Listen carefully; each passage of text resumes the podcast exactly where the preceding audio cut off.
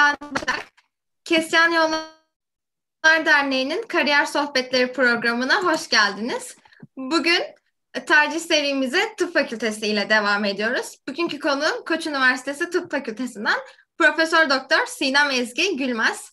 Sinem Hanım merhaba, hoş geldiniz. Merhaba, hoş bulduk. Herkese merhaba, iyi akşamlar ya da günaydın nerelerdeyseniz. Nasılsınız? Çok teşekkür ederim. Gayet iyiyim. Sizler nasılsınız? Ben, ben de iyiyim. Teşekkür ederim. Çok teşekkür ederiz yayın teklifimizi kabul ettiğiniz için. Davet ettiğiniz için ben teşekkür ederim. Yollarımız birkaç yıl önce kesişmişti gerçekten. Kesişmeye devam ettiği için çok mutluyum. biz de biz de öyle çok mutluyuz. Ee, biraz kendinizden bahseder misiniz yayın başlangıcında? Kısacık bahsedeyim. İnsanın kendinden bahsetmesi çok uzun sürebilir tabii. Ama e, yayın formatında sorulacak sorular kapsamında kısaca bahsedeyim. Ben tıp doktoruyum. E, tıbbi ve klinik farmakoloğum ve farmakoepidemiyoloğum. E, Türkiye'de doğdum, büyüdüm. Bütün eğitimimi de Türkiye'de tamamladım. E, uzmanlığımı da aldıktan sonra Ankara Üniversitesi Tıp Fakültesi mezunuyum. Uzmanlığımı da yine aynı fakültede aldıktan sonra yurt dışına çıktım. İki yıl Danimarka'da, Odense'de, Güney Danimarka Üniversitesi'nde çalıştım. Orada işte ilgimi çeken, kariyerimi yarattığım farmakoepidemiyoloji alanında çalışmalarıma başladım. Hem öğrenmeye hem de çalışmalarıma başladım. Ee, ondan sonra daha Danimarka'da birinci yılımın e, bitmişti ki e, Fransa'dan bir davet aldım Bordeaux Üniversitesi'nden. E, Danimarka'da iki yıl kaldıktan sonra da Fransa'ya, Bordeaux'a taşındım. Bordeaux Üniversitesi'nde Tıbbi Farmakoloji Ana Bilim Dalı Farmakoepidemiyoloji Araştırma Platformu'nda çalıştım yaklaşık 11 yıl. Yani 13 yıl kadar yurt dışındaydım. E, tam dedim ki tamam artık e, ben Fransa'dayım kalıyorum her şey yolunda. Birdenbire buralarda kapı açıldı. Kendimi burada buldum Koç Üniversitesi'nde Türkiye'de. E, kısaca böyle özetleyebilirim. Sonra sorulara göre bakalım detaylandırabiliriz. Biraz merakla zaman... bırakalım izleyenleri. Ee, ben biraz daha böyle baş, baştan başlamak istiyorum. Ankara Üniversitesi'nde Ankara Üniversitesi Tıp Fakültesi'nde okumuşsun, okumuşsunuz. Tıp okumayı gerçekten istiyor muydunuz? Yani doktor olmaya nasıl karar verdiniz? İşte bu klasik soru herkesin e, merakla sorduğu soru. Benim de heyecanlı hep anlattığım, yanıtladığım sorulardan biri. Hayır ben, e, benim zamanımda şöyle başlıyorum ben bu soruya. Benim zamanımda ÖSS, ÖYS vardı e, ÖYS'ye çalışırken ben mühendislik tercihi yapıyordum hep. Yani mühendis olacağım. Hatta endüstri mühendisi olacağım diye bir planım vardı kendi kafamda, aklımda. Her neydiyse artık. Ki e, doğrusunu söylemek gerekirse endüstri mühendisliğinin ne olduğunu da bilmiyordum açıkçası. Bir endüstri mühendisi ne yapar bilmiyordum. Çünkü benim o zamanlarımda yeni yeni popüler olmaya başlamıştı. Ee, böyle bir şey belki de onun heyecanla mı kapıldım ne oldu bilmiyorum. Benim arkadaşlarım da bir mühendislik e, heyecanı içindelerdi. Ondan sonra sınava gireceğim zaman fark ettim ki ben aslında mühendis falan olmak istemiyorum. E, mühendislik tercihi yaptım o sınavda fakat kazanamadım çünkü çok az tercih yaptım. Yani bayağı yüksek bir puanla açıkta kalmıştım. O zamanlar hatırlar mısınız, biliyor musunuz bilmiyorum. Şimdi nasıl hiç bilmiyorum. Hani çok uzağım bu konulardan ama e, şöyle bir şey daha vardı. Hani kazanıp da devam etmezseniz tekrar sınava girdiğinizde puanınız da düşüyordu. Bir şeyler oluyordu. O da olmasın diye. Var galiba. Var mı? İşte o da olmasın diye biraz da e, çok fazla sayıda tercih yapmamıştım. E, ve kazanamadım. Aslında ikinci yıl ben tekrar üniversite sınavına çalışırken, hazırlığımı yaparken fark ettim. O soruyu kendime sordum. Ben gerçekten hangi mesleği yapmak istiyorum diye. Ve aslında varmış o tıp da bir nedenle herhalde baskılamışım. Ee, onlar bende kalsın. Ee, o zaman ben aslında fark ettim ve karar verdim ve o dönemde aslında e, mühendislik kazanan liseden arkadaşlarımı ziyarete gittim. Bayağı hani güzel üniversitelerde Bilkent, ODTÜ'de neymiş bu mühendislik diye. Endüstri mühendisliği neymiş, makine mühendisliği neymiş, bilgisayar mühendisliği neymiş yerinde gördüm o zamanlar. Yani o zamanlar böyle bir hani sizin bu döneminizde olduğu gibi çok tanıtım faaliyetleri yoktu kapsamlı. Ben kendim gidip merakımla ziyaret ettim. O zaman farkına vardım ve daha da e, netleşti. E, ve tıp fakültesini tercih ettim. Hani e, sadece Ankara tercih yapmıştım galiba hatırlamıyorum. Başka illeri yazdım belki İstanbul, İzmir'de yazmış olabilirim şimdi. Kaç yıl oldu? 20 yıl oldu ben mezun olalı. E, fakülteye gireli de 26 yıl olmuş olacak. E, tıp okumaya nasıl karar verdim? Aslında içimde hep varmış. E, insanlara bir şekilde destek olabilme, sağlıklarına, şifalı olma durumlarına destek olabilme hissi, e, arzusu, merakı, heyecanı hep varmış. E, biraz böyle oldu. Hani ne istemediğimin farkına vararak, onu deneyimleyerek ne istediğime karar verdim diyelim. Tıbba nasıl karar O zaman yani kendi aslında e, aile baskısı olmadan tıp okumaya kendi isteğinizle karar vermişsiniz. Aile baskısı hiçbir zaman olmadı. E, benim babam öğretim üyesi e, ve bir bilim insanı hukuk alanında ve artık yani çok da derinleşmiş bir sadece hukuk değil e, sosyal politika insan haklarından tutun. Annem de lise matematik öğretmeni. Yani bizim ailemizde bir tane de kız kardeşim var. O da doktor. bizim ailede aslında hep destek vardı. Ne olmak istediysek başından beri bizi destekliyorlardı.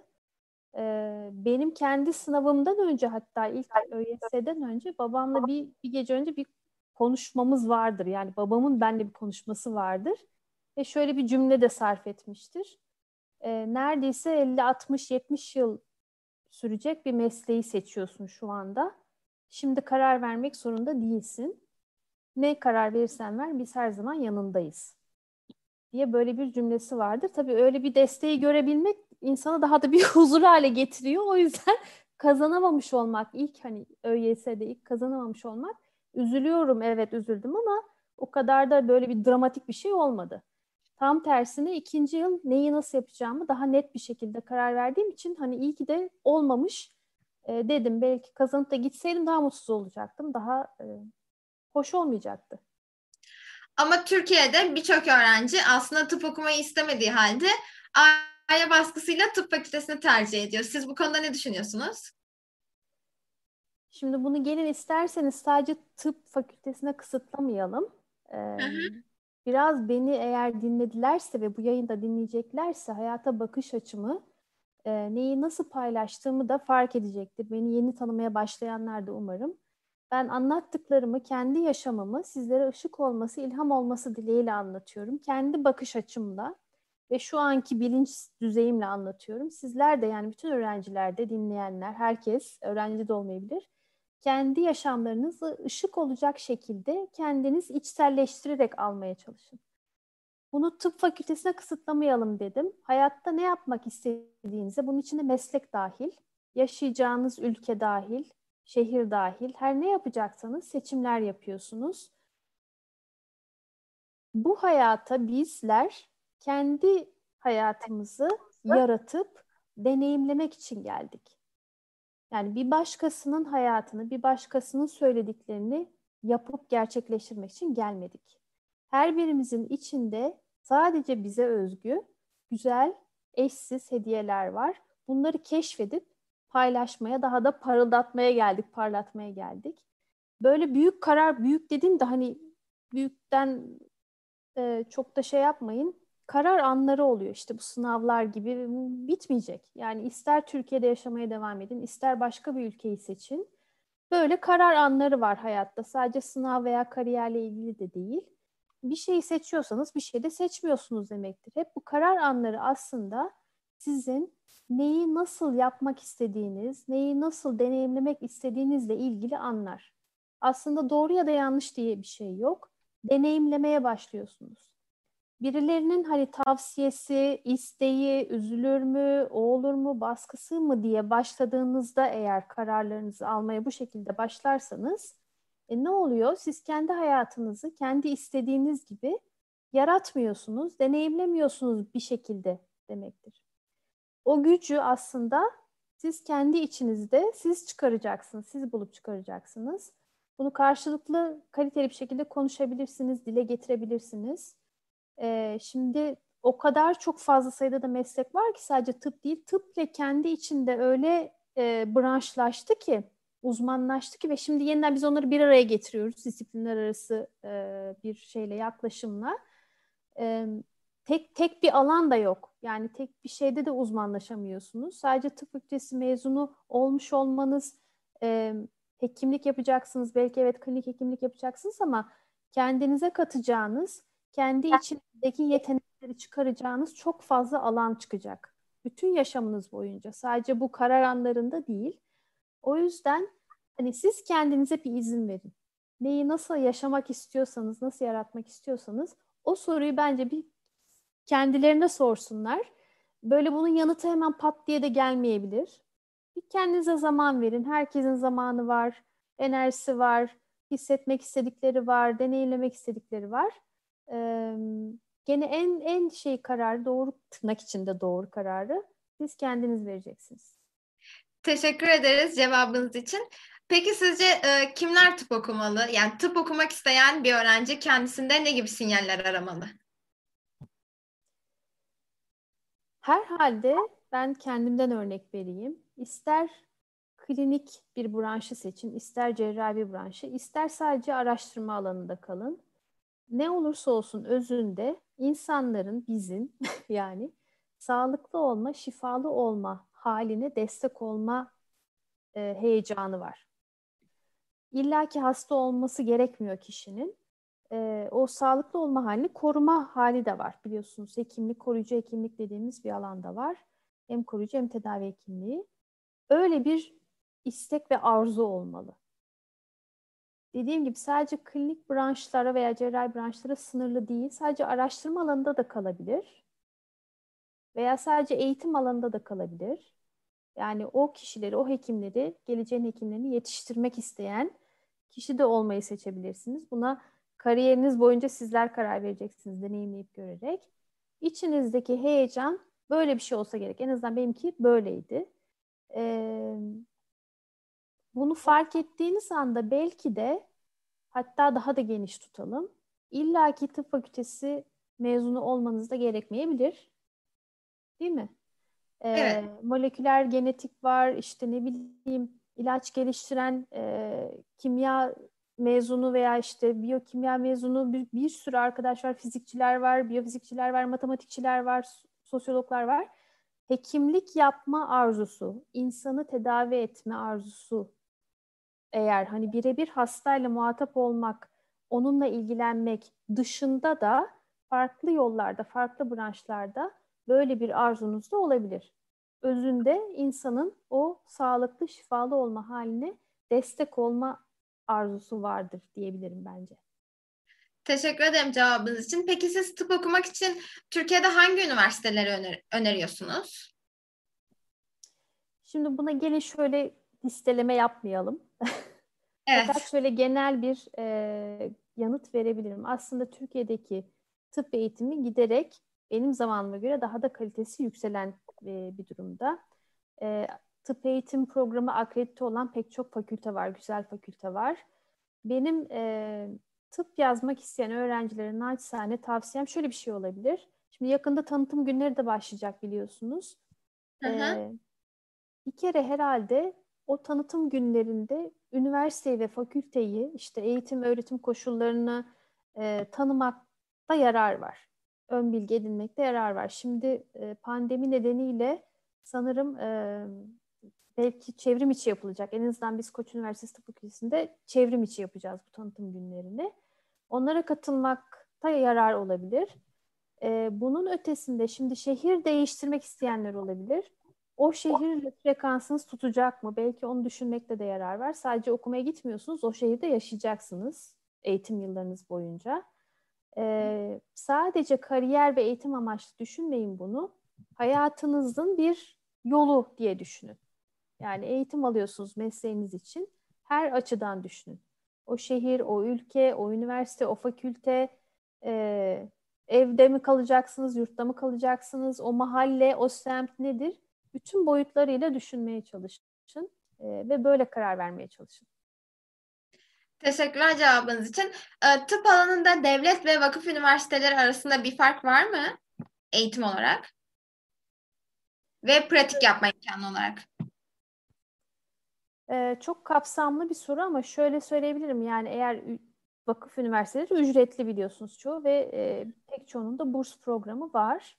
E, onun dışında eğer eğitimini soruyorsanız, şimdi tek tek ben bütün üniversiteleri tıp fakültelerini karşılaştırmadım, bilmiyorum. Doğru bir yanıt söyleyemem. Fakat dediğim gibi çoğu fakültemiz e, ulusal akreditasyondan e, akredite olmuş durumda eğitimleri ve sürekli de kendilerini yeniliyorlar. Belki buna dikkat edebilirler.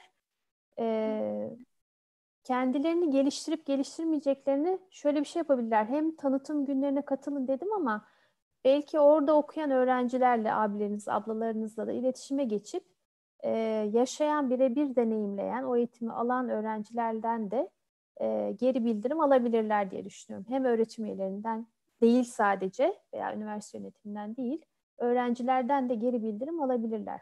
Farkla neyi sormak istediklerini çok anlayamadım ama böyle bir yanıt verebilirim kısaca.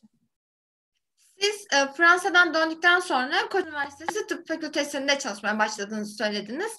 Siz neden Koç Tıp'ı tercih ettiniz? Valla benim tek başıma tercihim değildi. Karşılıklı birbirimizi tercih ettik. ee, dediğim gibi ben aslında yurt dışında, yurt dışı da demiyorum aslında çocuklar. Ben o kavramı da değiştirmekte yarar var. Ee, çünkü benim artık Fransız vatandaşlığım da var, çifte vatandaşlığım. Hatta şöyle söylüyorum, bir yurdumdan ayrıldım, bir yurduma geri geldim gibi. Ee, ve hatta şöyle derseniz eğer ben bundan sonra nerede yaşarsam yaşayayım hep yurdun dışındayım, bir yurdun dışındayım. Yarın evet. öbür gün Türkiye'nin dışında başka bir başka bir ülkede çalışacak olsam yine yurdun dışında olacağım. O yüzden başka bir ülke diyelim isterseniz o kalıpları yıkmaya devam edelim. Ee, bu karşılıklı bir şeydi. Ee, Koç Üniversitesi Fakültesi'nde çalışmaya başlamaya karar vermek. Ee, Fransa'da ben artık tamam kalıyorum, kariyerime devam ediyorum dediğim anda bir şekilde burada kapı açıldı. Ee, o teklifi, o fırsatı da ben değerlendirdim. Ee, burada belki şöyle bir mesaj ne diyeyim ya da naçizane bakış açısı sunabilirim. Ee, siz bir şeyleri planlarken hayatınızda hani kararlar alırken aslında karşınıza fırsatlar çıkmaya devam edecek. Olanaklar, fırsatlar çıkmaya devam edecek. Onları Aa, ben zaten şuna karar vermiştim, şunu yapmaya karar vermiştim diye geri çevirmek yerine bir tekrar oturup değerlendirin. Bakalım size uyuyor mu? Ya da verdiğiniz, önce verdiğiniz karar destekleyecek mi? Ya da size bambaşka daha güzel mi bir kapı açacak? Ee, bütün kapıları kapatıp açmadan önce bir fırsatları değerlendirmekte e, sakin bir şekilde yarar var. İşte benim yaptığım da buydu. Teşekkür yani ederim. Karşılıklı bir anlaşma. Teşekkür ederim cevabınız için. Siz bir doktor olarak, bir öğretim üyesi olarak Koç Üniversitesi'ni tercih etmişsiniz. Yani karşılıklı olarak birbirinizi tercih etmişsiniz.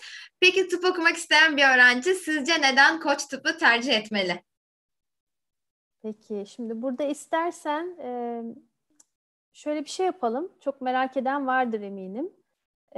Koç Üniversitesi Tıp Fakültesi hakkında ben kısaca bir bilgi vereyim. Belki gelecek sorular da vardır. Onları da önceden yanıtlamış da olabiliriz.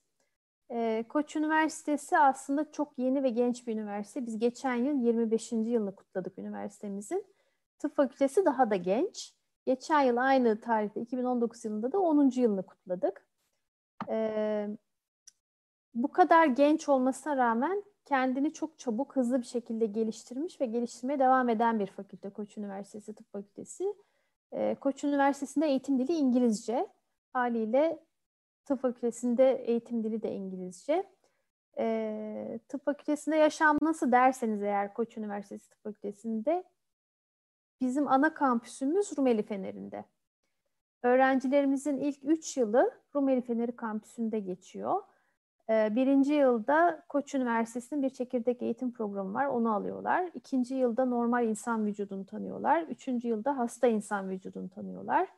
Dördüncü yıldan itibaren e, Koç Üniversitesi Hastanesi'ne geçiyorlar. O da Topkapı'da.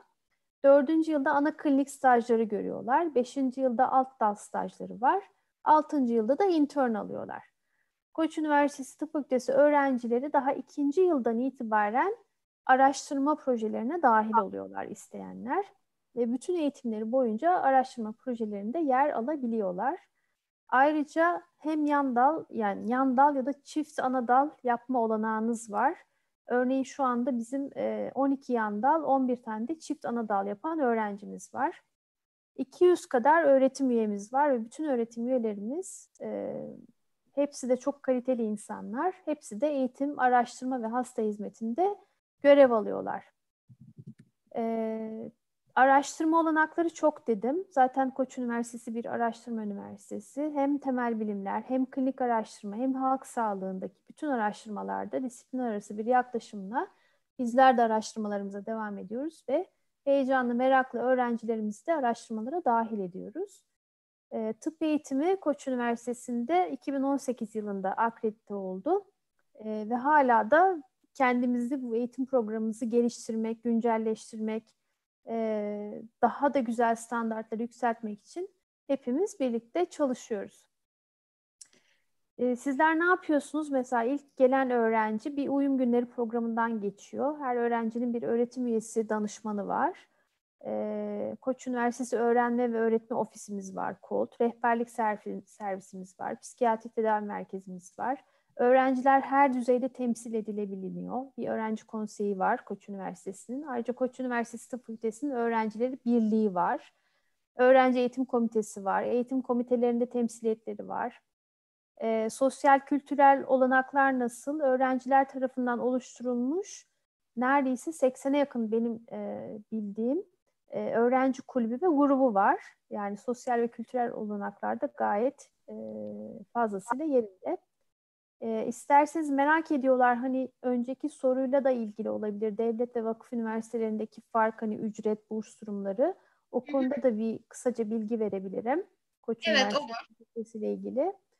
Ee, bizim hem %100 burslu hem %50 burslu kontenjanımız var. Örneğin 2020 kontenjanı şu anda ulusal 60 öğrenci, uluslararası 20 öğrenci kontenjanımız var. Hı hı. Ulusal 60 öğrencinin 14'ü %100 burslu, 46'sı kalanı da %50 burslu olacak ve Anadolu Bursiyerleri programımız var biliyorsunuz.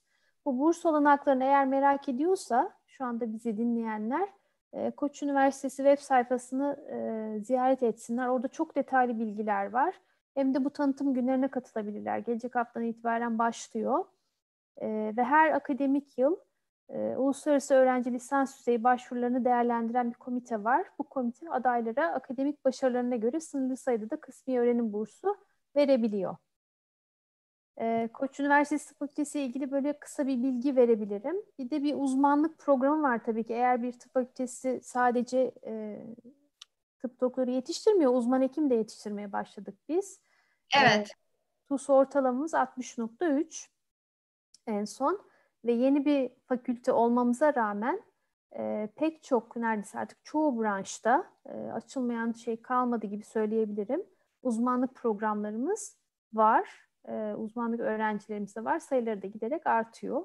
İki tane de kariyer komitesi var. Ben de hemen onu da belki, belki belirtmekte yarar var. Bir tıpta kariyer komitesi var. Koç Üniversitesi Fakültesi'nde. Bir de akademik kariyer planlama komitesi var. Bunları neden söylüyorum? Çünkü ikisinin de başkanlığını ben yürütüyorum. Yani Koç Üniversitesi Tıp Fakültesi'nde birinci sınıftan itibaren mevcut öğrencilerimizin kariyerlerine en iyi şekilde destek oluyor tıpta kariyer komitesi. E, diğer komite ise hani junior fakülte diyebileceğimiz e, akademisyenliği düşünen, heyecanlanan genç akademisyen adaylarına destek olan Akademik Kariyer Planlama Komitesi. Başka Türkiye'de yok sanırım. Teşekkürler cevabınız için. Peki sizce bir tıp öğrencisi lisans yıllarını en iyi şekilde nasıl değerlendirebilir?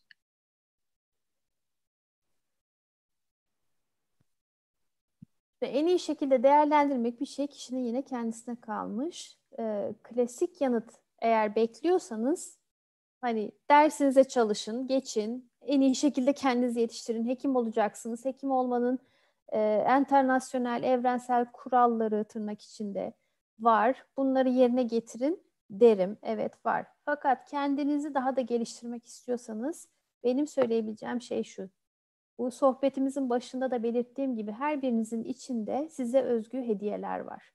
Onu keşfetme yolculuğunuza devam edin tıp eğitiminiz boyunca.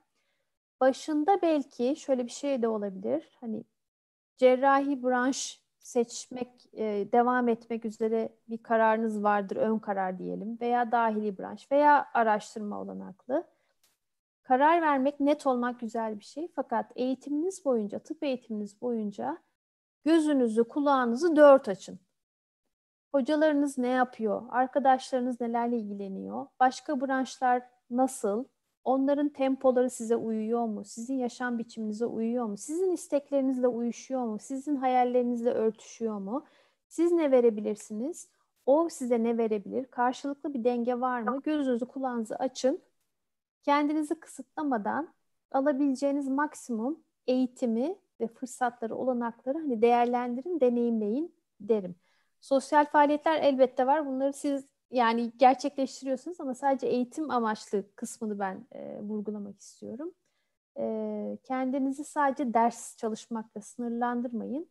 İçinizdeki o yetenekleri keşfetmeye devam edin. Eminim ortaya çıkacaktır.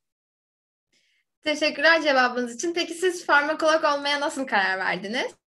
Ya işte bu da ikinci kan alıcı sorulardan biri. Tıbba nasıl karar verdim? Farmakolog olmaya nasıl karar verdim? Bu da pek e, farklı değildi. Üniversite tercihinden gelen bir şeyle. Ee, hani dedim ya gözünüzü kulağınızı açın diye az önce. Ben aslında tıp fakültesinde öğrenciyken pediatrist olmak istiyordum. Nereden nereye? E, hatta e, seçmeli stajımı bile çocuk cerrahisi seçmiştim. E, pediatriye gidip nöbetlere kalmıştım gibi gibi. Fakat her ne olduysa işte tıpta uzmanlık sınavına çalışırken birden fark ettim ki aslında pediatri bana göre değil. Aslında istediğim şey değilmiş. Hem e, temposu bu branşın iyi veya kötü oluşta hiç ilgili değil çocuklar. Dediğim gibi sizin yaşam standartlarınız, e, yaşamdan ne beklediğiniz, sizin vermek istediğiniz şeylerin örtüşüp örtüşmemesiyle ilgili. E, pediatri bana göre değilmiş. Ben bunu da ikinci TUS'a çalışırken fark ettim ve zaten ikinci TUS'ta da pediatri tercihi yapmamıştım.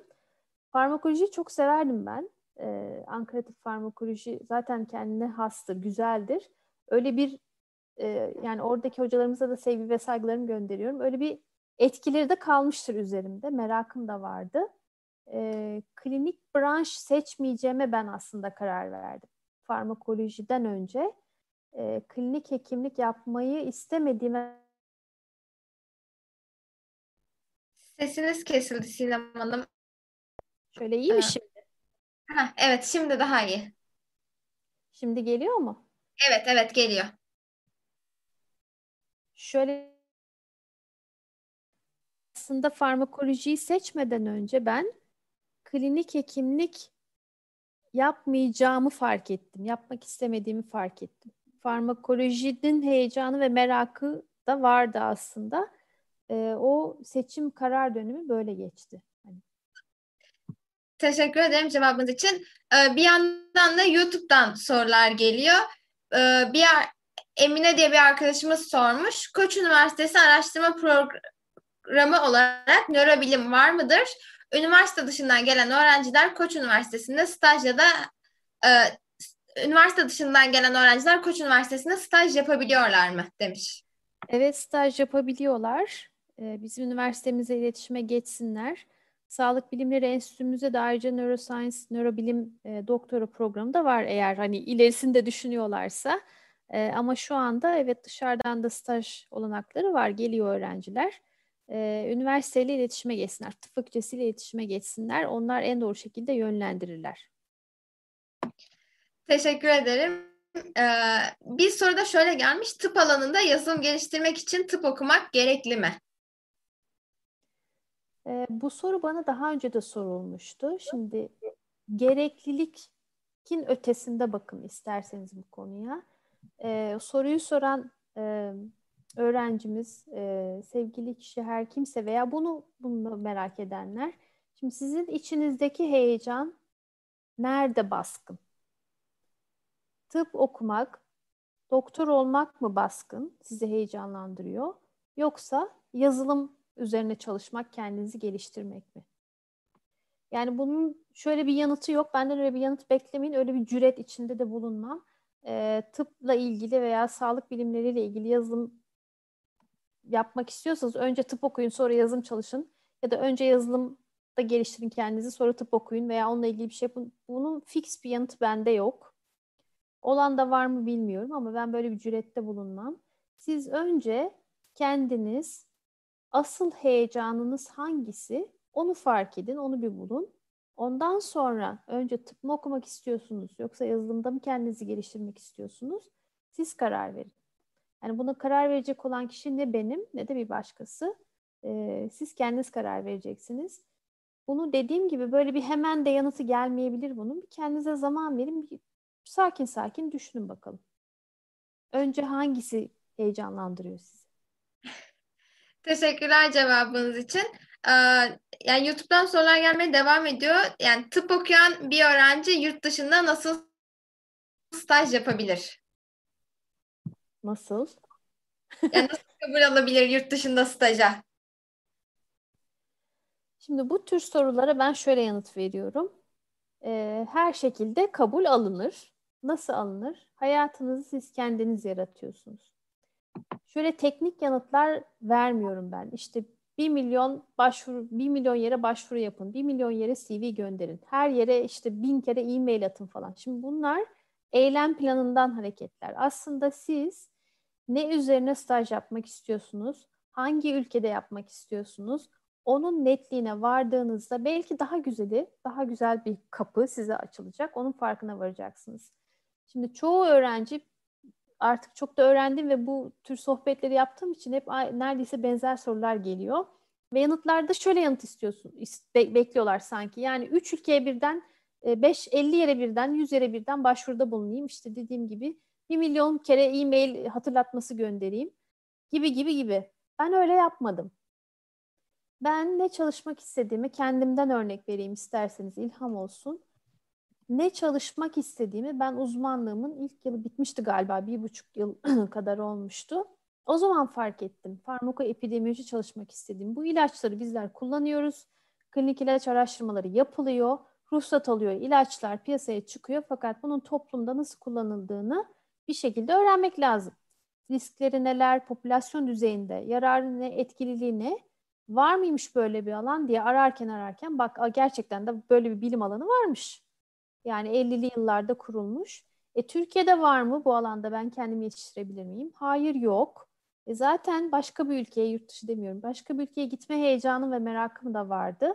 Benimkisi böyle gelişti örneğin. Hani ben uzmanlığımı alıp bitirdikten sonra gitmeye karar verdim. Öylesi daha uygundu benim için. E, derecemi alıp gittikten sonra yani eğitimi, uzmanlık eğitimini yarım bırakmadan veya onun içinde hani kısa bir dönem yapmayı seçmedim ben.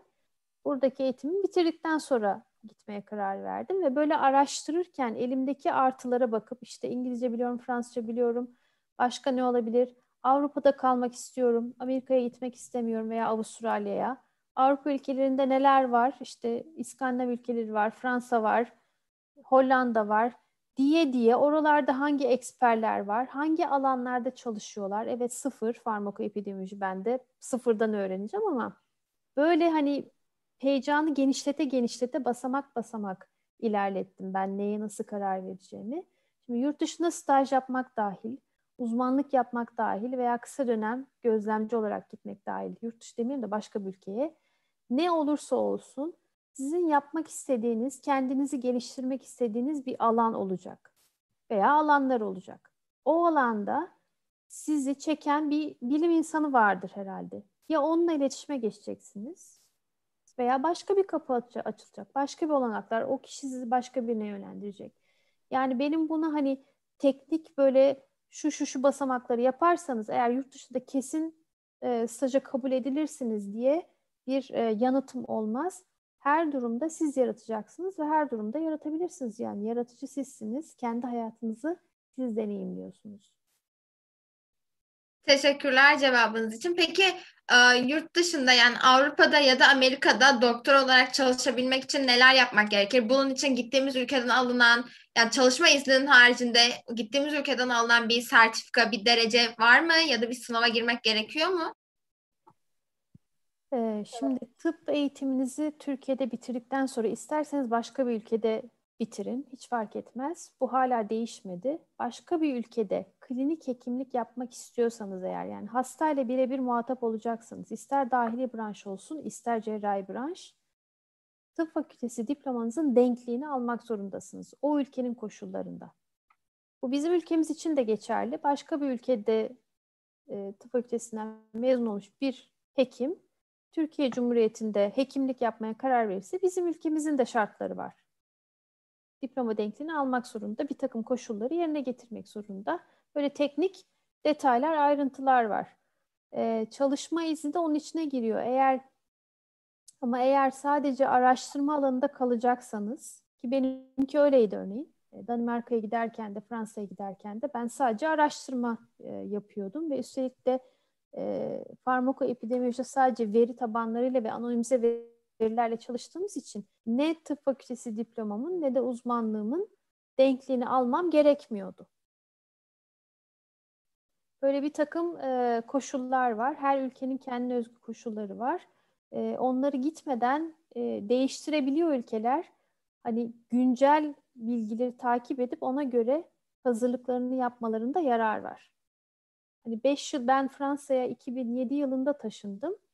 Evet aşağı yukarı prosedür aynı ama şu anda bile birazcık farklılık var. Yani gidecekleri zamanın koşullarını illa, illaki o güncel kuralları öğrenip ona göre kendilerini hazırlamalarında daha öncesinde yarar var. Teşekkürler cevabınız için. Bildiğim kadarıyla sizin habilitasyon dereceniz de var. Ee, bu nedir yani ve habilitasyon derecesi nasıl alınır? Bu, bu aslında Avrupa'da sadece Fransa değil sanırım birkaç ülkede Avusturya ve Almanya olabilir. Ee, umarım doğru biliyorumdur, hatırlıyorumdur. Ee, olan bir ne diyelim kural, bir derece, e, en yüksek akademik derece. Ee, şu nedenle şart Fransa'da bu diplomayı ve liyakatı unvanı almanız. Bir, e, Fransa için konuşuyorum e, akademisyenliği seçtiniz, bilim insanısınız ve artık üniversitede çalışıyorsunuz. Kendi doktora öğrencilerinizi alıp yetiştirebilmeniz, yani onların araştırmalarını yetiştirebilmenize ehil olduğunuzu gösteriyor.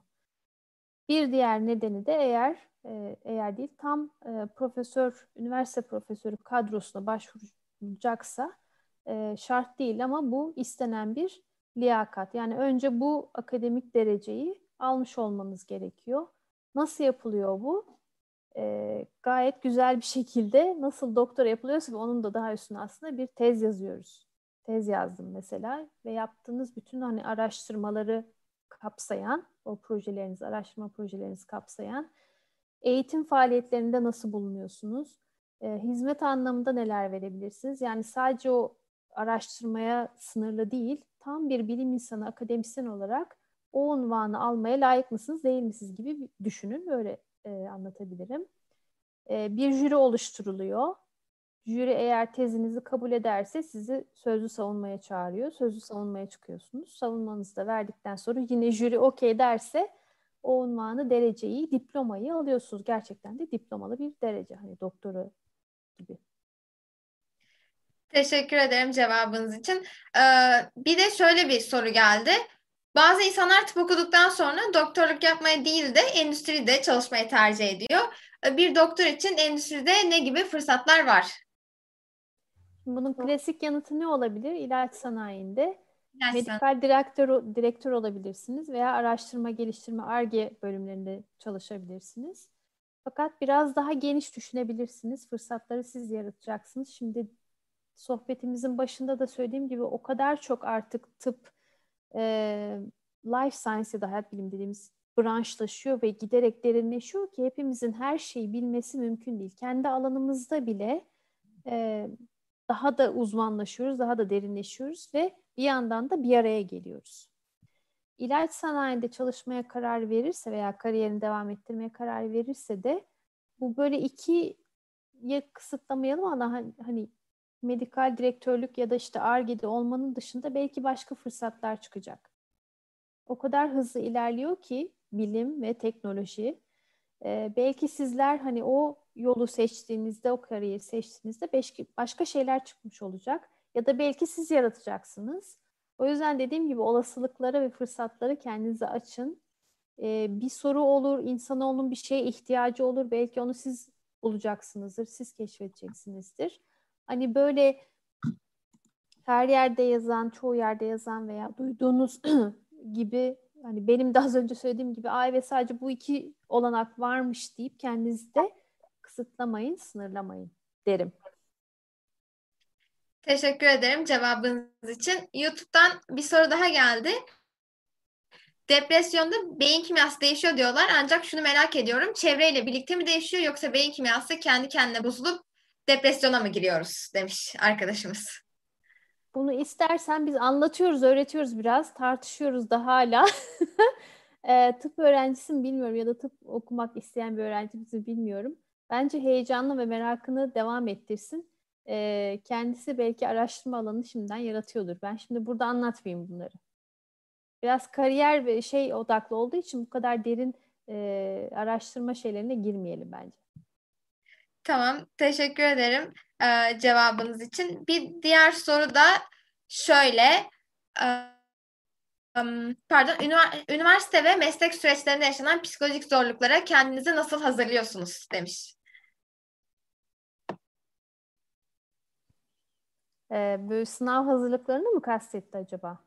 Yani sanırım öyle. Bir de özellikle pandemi döneminde de doktorların çok daha fazla çalıştıklarını düşünürsek bu tarz zorluklara kendinizi nasıl hazırladığınızı sormuş. YouTube'dan geldi bu soruda biraz önce. Şimdi eğer pandemi özelinde soruyorsak şöyle söyleyebiliriz, şöyle anlatabilirim veya paylaşabilirim kendi bakış açımı. Şimdi hayat döngülerden ibaret veya döngülerden oluşuyor yaşam dediğimiz şey. Her bir başlangıç bir bitişi getiriyor. Her bir bitiş de yeni bir başlangıca vesile oluyor. Ve bu döngülerin içinde bizim bu zorluklar diye söylenen challenge dediğimiz şeyler, zorluklar, güçlükler başımıza geliyor. Hep deneyimliyoruz bunları. Bunlar neye hizmet ediyor aslında?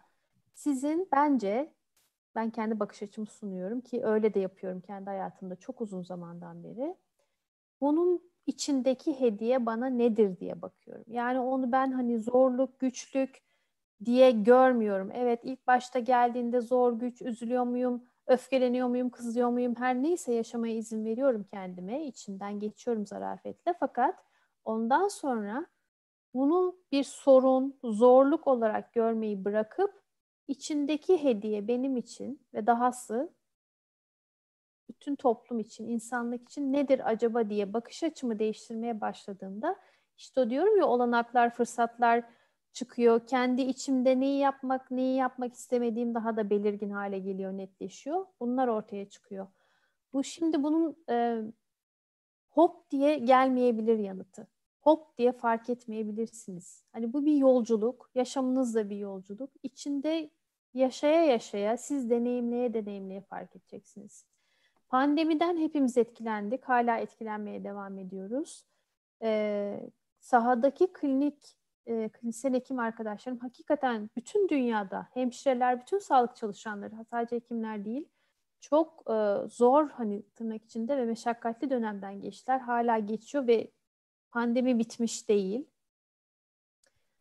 Ben kendi adıma bilmiyorum. O alanı deneyimlemedim. O yüzden onunla ilgili yorum yap, yapamam doğru değil ama kendi hayatımda ne olup bittiğini sadece paylaşabilirim. Evet birden karantinaya girdik. İşte evden çalışmaya başladık. İnsanlarla iletişimimiz, fiziksel iletişimimiz durdu gibi gibi gibi. Ben o dönemde zaten kendi içimdeki yolculuğu çok uzun yıllar önce başlatmış biri olduğum için bana zor gelmedi biraz geldi açıkçası. Fakat dediğim gibi o dönemin içinden hani zarafetle geçip o artık o korku, endişe, ne olup bitiyor, başkaları için duyduğunuz endişe her neyse onları yaşayıp, deneyimleyip içinden geçiyorsunuz. Geçin, geçtim. Hala da geçiyorum ve bunun içindeki hediye benim için nedir diye düşünüyorum ve bakıyorum artık. Çünkü sürekli zor, sorun diye bakarsanız aslında ne yapıyorsunuz? Odağınız hep zorda ve sorunda. Sorunu ve zoru büyütüyorsunuz. Onu daha çok deneyimliyorsunuz. Fakat neyi yaşamak istediğinize, hislerinize odaklanıp, içinden geçip, ha ben bunu yapmak istiyormuşum diye bakışınızı değiştirmeye başladığınızda yavaş yavaş, olanaklar, fırsatlar, kendinizdeki hediyeler hepsi birer birer açılmaya başlıyor. Kendinize bu dönemde yapabileceğiniz benim yaptığım en önemli şey kendime nazik olmaktı. Hırpalamadan, yargılamadan. Kendinize her zaman nazik olun, nazik davranın. Kendinize olan sevginizi daha da geliştirin. Kendinize olan saygınızı daha da geliştirin ve değerinizin farkına varmaya başlayın ve bunun içinden böyle geçin. Bugün pandemi gelir, yarın başka bir şey gelir. E, dualitede yaşıyoruz, kontrastları deneyimliyoruz bu dünyada. Bunların hepsi aslında birer hediye bakış açınızı değiştirdiğinizde. Teşekkür ederim cevabınız için. Bunun hemen ardından şöyle bir soru daha geldi YouTube'dan. İnternlik asistanlık gibi zamanlarda doktorların çok sıkıntı yaşadığını, hiyerarşik bir düzen olduğunu duymuş duymuştum. Acaba hocamız bu konuda ne düşünüyor demiş ve bir önceki soruyu da o yüzden sormuş. Şimdi hiyerarşik düzenle kastedilen şey elbette bir e, tıpta şöyle bir şey de var. Usta-çırak ilişkisi var. Hiyerarşik düzenle neyi kastettiğini çok anlamıyorum ama elbette bir usta-çırak ilişkisi var. Elbette herkesin kendi e, görev e, tanımında yapmakla sorumlu olduğu bir takım şeyler var, görevler var. Bu cerrahi branşlarda bir şekildedir, dahili branşta bir şekildedir. Benim gibi sadece eğitim ve araştırma ilgilenen hocalarımız için de vardır. Her birinin aslında kendi içinde bir e, ne diyelim işlerin düzgün ve sağlıklı, kaliteli bir şekilde devam ettirilebilmesi için bir takım kurallar var. E, tıbbın zaten yani insan sağlığıyla ilgileniyorsunuz, insan vücudu şifasıyla ilgileniyorsunuz. Zaten hali hazırda evrensel kuralları var hekim olmanın gerektirdiği. E, tam o hiyerarşik düzenle neyi kastettiğini çok anlayamıyorum ama elbette mesleğin getirdiği uygularken, mesleğinizi icra ederken uygulanacak kurallar var. E, sadece meslekle veya bilgiyle ilgili değil, insan olmakla ilgili, hekimlik yapmakla ilgili kurallar hem etik hem profesyonelizm anı için e, kapsamında elbette var. Fakat hekimlik ve bu bu meslek evrensel bir şey. Ee, evrensel bir meslek. Materyaliniz burada kelimeye takılmayın çok. İnsan. Her zaman insan. Yani bilgiyi bilseniz de e, hastalıkları, tedavisini, korunmasını her şeyi bilseniz de karşınızdaki kişi diyelim bir insan. Onunla ilgileniyorsunuz. Birebir onunla iletişim içindesiniz. E, elbette onun da kendine hö, kendine has, özgü e, kuralları, tutumları, davranış e, şekilleri, iletişim e, modelleri olacak hekimliğinizi icra ederken, mesleğinizi icra ederken. Zorluklarla ilgili neydi ilk başta soru bir şey daha var mıydı? Atladım mı? Ee, zorluklarla çok yani sadece e, internlik asistanlık gibi zamanlarda doktorların çok e, hiyerarşik çalış hiyerarşik bir düzen olduğunu duyduğunu söylemiş. Yani bunu zaman zaman ben de tıp okuyan arkadaşlarımdan duyuyorum. Yani cevapladığınız için soruyu da teşekkür ederim. İnternlik ama şöyle bir şey. 6. sınıftasınız ve düşünün e, artık yani bir, bir yıl kalmış mezun olmanıza ve sizin bağımsız bir şekilde mesleğinizi icra etmenize. E, hasta bakıyorsunuz, nöbet tutuyorsunuz internlükte evet. E, hiyerarşik düzenle kasıt buysa bir, bir şeyi var kendi içinde kuralları da var tabii ki. Anladım. Teşekkürler cevabınız için. Bir soru da şöyle gelmiş. Bilgisayar teknolojilerinin tıp, tıp alanındaki gelişmelerine karşı neler düşünüyorlar, neler yapmayı planlıyorlar diye sormuş. Ee, sanırım bunu da Koç Üniversitesi özelinde sordu. Ee, bilgisayar teknolojisinde biz neler yapmayı düşünüyoruz gibi. Çok ben anlayamadım soruyu. evet yani sanırım Koç Üniversitesi'nin bu alanda çalışmalar olup olmadığını sordu. Şöyle yanıtlayabilirim. Elbette var. Ee, sadece bilgisayar değil, hani başka fakülteler, mühendislik fakültesi, sosyal bilimlerle biz dediğim gibi in, disiplinler arası çalışıyoruz. Ee, tıbbi cihazdan tutun, tanı kitlerinden tutun.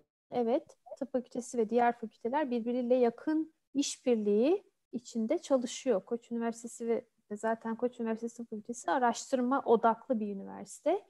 Ee, projeler var, yayınlar var, haberler var. Şimdi bunları böyle hani uzun uzun listelemek de vakit kaybına yol açar. E, ama sadece hani hasta tedavi etmekten veya e, proje yapmaktan ibaret değil Koç Üniversitesi ya da Koç Üniversitesi Fakültesi. E, bütün fakültelerle işbirliği içinde e, disiplinler arası bir şekilde çalışıyoruz. Projelerimiz var, araştırma projelerimiz ve eğitim faaliyetlerimiz. Teşekkür ederim cevabınız için. Vaktimizin de sonuna yaklaştık. Ee, ben o zaman son sorumu sormak istiyorum. Ee, Türkiye'de ya da dünyanın değişik yerlerini bizi izleyen, tıp okumak isteyen ve okuyacak olan öğrencilere tavsiyeleriniz nelerdir? Tıp okuyun. tıp okumak istiyorsanız tıp okuyun. Mühendislik okumak istiyorsanız mühendislik okuyun. Bir kere en önemlisi bu. Hani sohbetimizin başında da dedik ya neyi meslek olarak icra etmek istiyorsunuz? Siz karar vereceksiniz. Ee, eğitiminiz boyunca hep bahsetmeye, e, vurgulamaya çalıştığım şey kendinizi sadece e, derslere odaklamakla sınırlandırmayın. Kendinizi her alanda yetiştirmeye devam edin. İçinizdeki o hediyeyi, sizin kendi yeteneklerinizi keşfetmeye devam edin. Sosyal alanda olur, araştırma alanında olur, e, başka bir yere kayabilirsiniz. Dediğim gibi mesela biz bizim fakültemize çift e, dal, yan dal, çift ana dal yapma olanağı var. Belki başka bir branş ilginizi çekiyordur. İkisini bir araya getirmek istiyorsunuzdur. İşte yazılım, tıp gibi veya sağlık bilimleri diyelim veya mühendislik gibi her neyse. Onları keşfetmeye devam edin. Mümkün olduğunca kendinizi geliştirin. Gözünüzü kulağınızı dört açın. Ee, eskisi gibi değil. Şimdi öğretim üyeleri de de yakın ilişki ve iletişim içindesiniz. Bizler hepimiz sizlere kapımız açık. E, kendi alanlarımızı, kendi çalışma alanlarımızı e, tanıtıyoruz. Nasıl yani benim alanımda biri ne yapar bütün gün diye merak da edebilir bir kişi veya bir işte kalp damar cerrahı ne yapabilir? Bütün günü nasıl geçiyordur? Bir haftası nasıl geçiyordur? Veya ne bileyim bir dahiliye hocası, öğretmesi nasıl geçiyordur? Onlarla yakın iletişim içinde bulunun. Günlerini gözlemleyin gibi. Yani kendinizi her alanda yetiştirmeye çalışın ve kendiniz olun. Teşekkür ederim cevabınız için. Ben son sorum dedim ama e, iki soru daha gelmiş. E, onu da kırmak istemiyorum. E, sorunun bir, bir tanesi şöyle. Hocam biyoloji okuyup yüksek lisansı moleküler biyoloji ve genetikten yapmak mı? Yoksa direkt lisans hayatına moleküler biyoloji ve genetikten başlayıp devam etmek mi daha mantıklı diye sormuş. Şimdi mantıklı yanıtlar e, herkese göre değişiyor aslında evet, herhalde bunun, cevapları. Evet, bunun yanıtını verecek kişi ben değilim aslında. Yani elbette şimdi şöyle bir şey var. Bunu sakın kimse yanlış anlamasın. Elbette bu yayını e, fikir paylaşmak e, ve sizlerin sorularını yanıtlamak için yapıyoruz. Fakat şöyle bir şeyi de e, yanlış anlam veya hayatınızda o şekilde hani e, sürdürmemenizi ben naçizane öneriyorum. Hep diyorum ya siz yaratacaksınız. Kendi hayatınızı siz deneyimleyeceksiniz. Doğru ya da yanlış diye bir karar yok. Neyi yapmak seni en çok heyecanlandırıyor? Yani moleküler biyoloji çalışmak mı, genetik çalışmak mı? Bir şekilde senin içinde bir arzu vardır. O daha bir baskındır o tarafı düşündüğünde kendini orada hayal ettiğinde bir böyle yüzün gülümsüyordur, için huzur doluyordur, bir şey vardır. Ha ben bunu yapayım diyorsundur. Şimdi dış şartlara, koşullara baktığınızda işte bunun içinde ne var? İş olanakları, yurt dışı olanakları, işte burstu, oydu, ülkeydi, şuydu, buydu falan diye için içine koşulları katmaya başladığınızda siz kendi heyecanınızı bir yandan e, söndürmeye, baskılamaya başlıyorsunuz. Halbuki benim vermeye çalıştığım bakış açısı benimki öyle. Kendi hayatım, yaşayışım öyle. Dış koşullara takılmadan her neyse onlar ben ne yapmak istiyorum? Onun bir keşfi içine girip onu deneyimlemeye, ortam, ortaya çıkarmaya başlamak. Ondan sonra zaten e, hani o sorunun yanıtı kendiliğinden size gelecek öyle bir kapılar açılır, fırsatlar sunur ki ha zaten böyleymiş dersiniz ve onu böyle akışta gelir, akışta deneyimlersiniz, olu verir. Hani tereddüt etmezsiniz zaten. Böyle mi yapsaydım, öyle mi olsaydı demezsiniz. Olsa bile zaten o da bir deneyim dediğim gibi. Ee, yine içinden geçip ne istediğinize daha net bir şekilde karar vermenize hizmet edecek başka muazzam bir deneyim olacak. Teşekkürler cevabınız için. Az önce depresyonla ilgili soruyu soran arkadaşımız bir soru daha sormuş ve biyoloji okumak istediğini de eklemiş. Sorusu şöyle, biyoloji okumak istiyorum, nörobilime yakın olduğumu düşünüyorum. Lisansta neler yapabilirim ya da daha sonrası için bu yolculukta beyin kimyası ve depresyon gibi hastalıkları çözüm için kendimi nasıl geliştiririm? Ee, şöyle diyelim, şimdi ileriyi düşünmek çok güzel. Kendini geliştirmek istemek çok güzel. Fakat zaten onu sen yolda o yolu deneyimlerken fark ede fark ede adım adım kendini keşfederek bulacaksın. Hangi alana kayacağını, ne tarafa yöneleceğini, o yollardan hangisini seçeceğini sen zaten fark edeceksin o yol deneyimlerken. Hani bu sohbetin başından beri söylüyorum da şunu yap, şunları şöyle ilerle. 1, 2, 3, 4, 5, 10 basamaklı bir şekilde yol değil bu.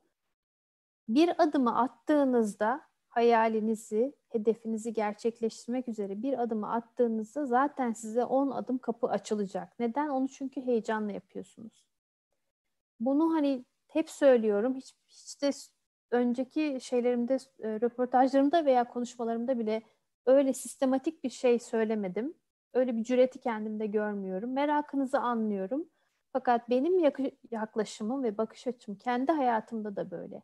Bir adımı atın, adım atmaktan korkmayın. Ondan sonrası için düşünün. Yani ilerisi için hedef koymak güzel ama küçük küçük adımlarla heyecanla ilerlemeye devam edin.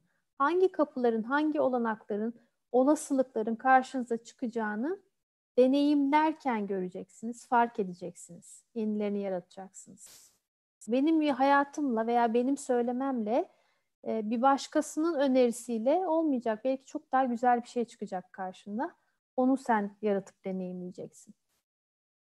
Teşekkür ederim cevabınız için. Bizim sorularımız bu kadardı. Yayın teklifimizi kabul ettiğiniz için ve sorularımızı cevapladığınız için çok teşekkür ederiz. Ayrıca derneğimize olan bütün katkılarınız için de size bir kez daha teşekkür ederiz. Ben çok teşekkür ediyorum yeniden davet ettiğiniz için. Yollarımız kesişmeye devam ettiği için. Soru soran, dinleyen herkese çok teşekkür ediyorum. Tatlı yayınınız için de teşekkür ediyorum. Şimdiden herkese başarılar diliyorum. Kendi hayatlarını deneyimlemeye en güzel şekilde devam etsinler. Hepinize sevgiler. Teşekkürler tekrardan. Arkadaşlar bizi izleyen herkese teşekkür ederiz. Üniversite tercih serimiz önümüzdeki 10 gün boyunca devam edecek. Yarın Sabancı Üniversitesi'nden Profesör Doktor Ersin Göğüş konuğumuz olacak. Ersin Hoca ile birlikte fizik ve astrofizik üzerine bir sohbet edeceğiz. Fizik okumak nedir? Astrofizik nasıl çalışılır gibi şeylerden bahsedeceğiz.